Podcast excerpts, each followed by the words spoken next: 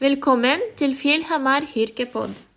My name is Margarita Teslina, and today you're going to hear a sermon that I have preached last Sunday, February 26, at Fjellhamar Church. The service marked one year anniversary of Russian aggression in Ukraine. Therefore, the sermon was preached originally in Ukrainian and translated into Norsk. Today, however, you are going to hear an English version of the same sermon.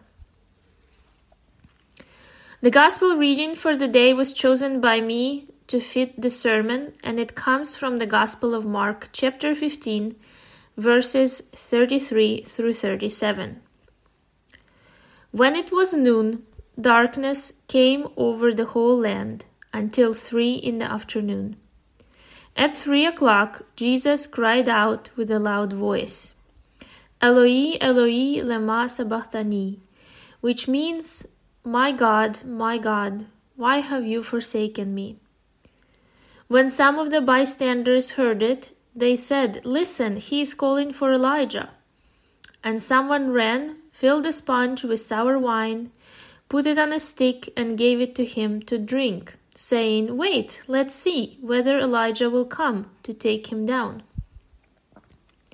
Then Jesus gave a loud cry and breathed his last. This is the word of the Lord. Amen. Today I'm going to preach from the book of Lamentations. I have chosen this book because it provides us with words precisely in the times of deep suffering which leaves us speechless.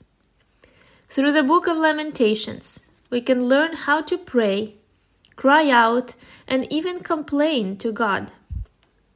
If, as writes Paul in 2 Timothy 3:16, all scripture is inspired by God and useful for preaching, teaching, and instruction in righteousness, then indeed the book of Lamentations is useful in the times of trouble.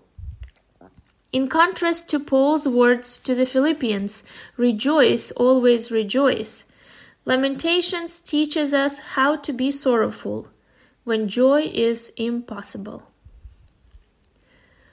This book begins in this way How lonely sits the city that once was full of people. How like a widow she has become. She that was great among the nations she that was a princess among the provinces has become a vassal. She weeps bitterly in the night with tears on her cheeks. Among all her lovers, she has no one to comfort her. All her friends have dealt treacherously with her. They have become her enemies. Here we encounter a metaphor where Jerusalem, the capital city of the Jews, is presented as a woman bereft of her husband and betrayed by all her friends. What historical event looms in the background of this book? In the year 586 before Christ, the most powerful empire at the time, Babylon, conquered the promised land. Babylonians captured Jerusalem. They robbed God's temple of its holy treasures. They murdered many priests they forcefully relocated the most skilled and educated Israelites for slave labor in Babylon. And they burned God's temple together with the king's palace and all of Jerusalem to its foundations. This is why the author of this book cries out Look and see if there is any sorrow like my sorrow. Some of you might deeply understand the grief of Israelite people because you have experienced a loss in your life too. If the author of Lamentations lived in contemporary Ukraine, his words might have sounded like a poem written by Irina Choli. My city is buzzing with power generators. My city reads with flashlights.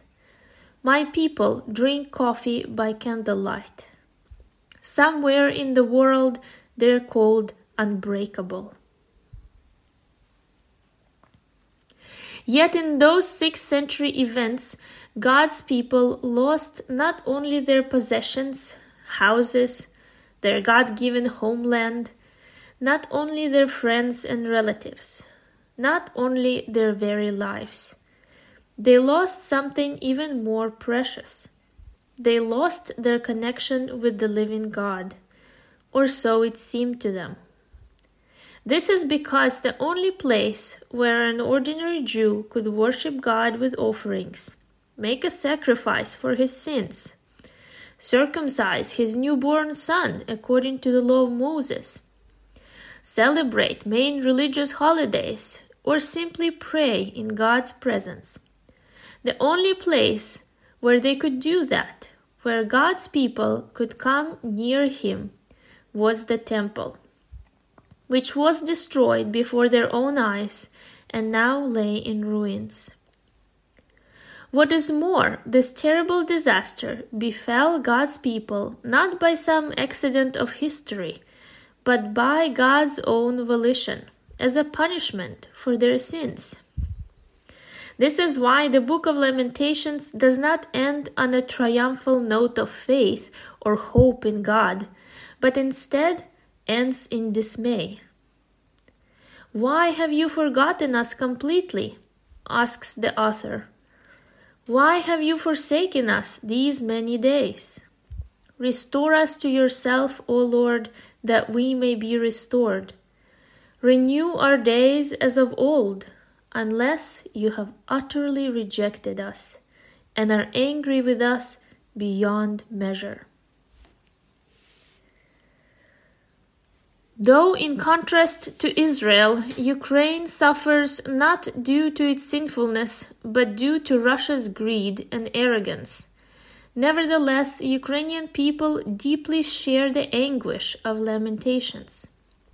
Day after day, we cry out to God to end this pointless war, and day after day it continues, now for a whole year. Perhaps, like the author of Lamentations, we too are prone to think that God does not hear our prayers, or hears them but refuses to act. In moments like this, we must remember the course of Israel's history.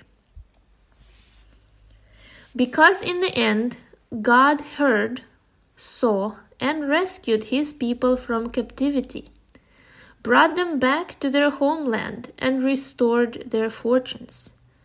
But this did not happen right away.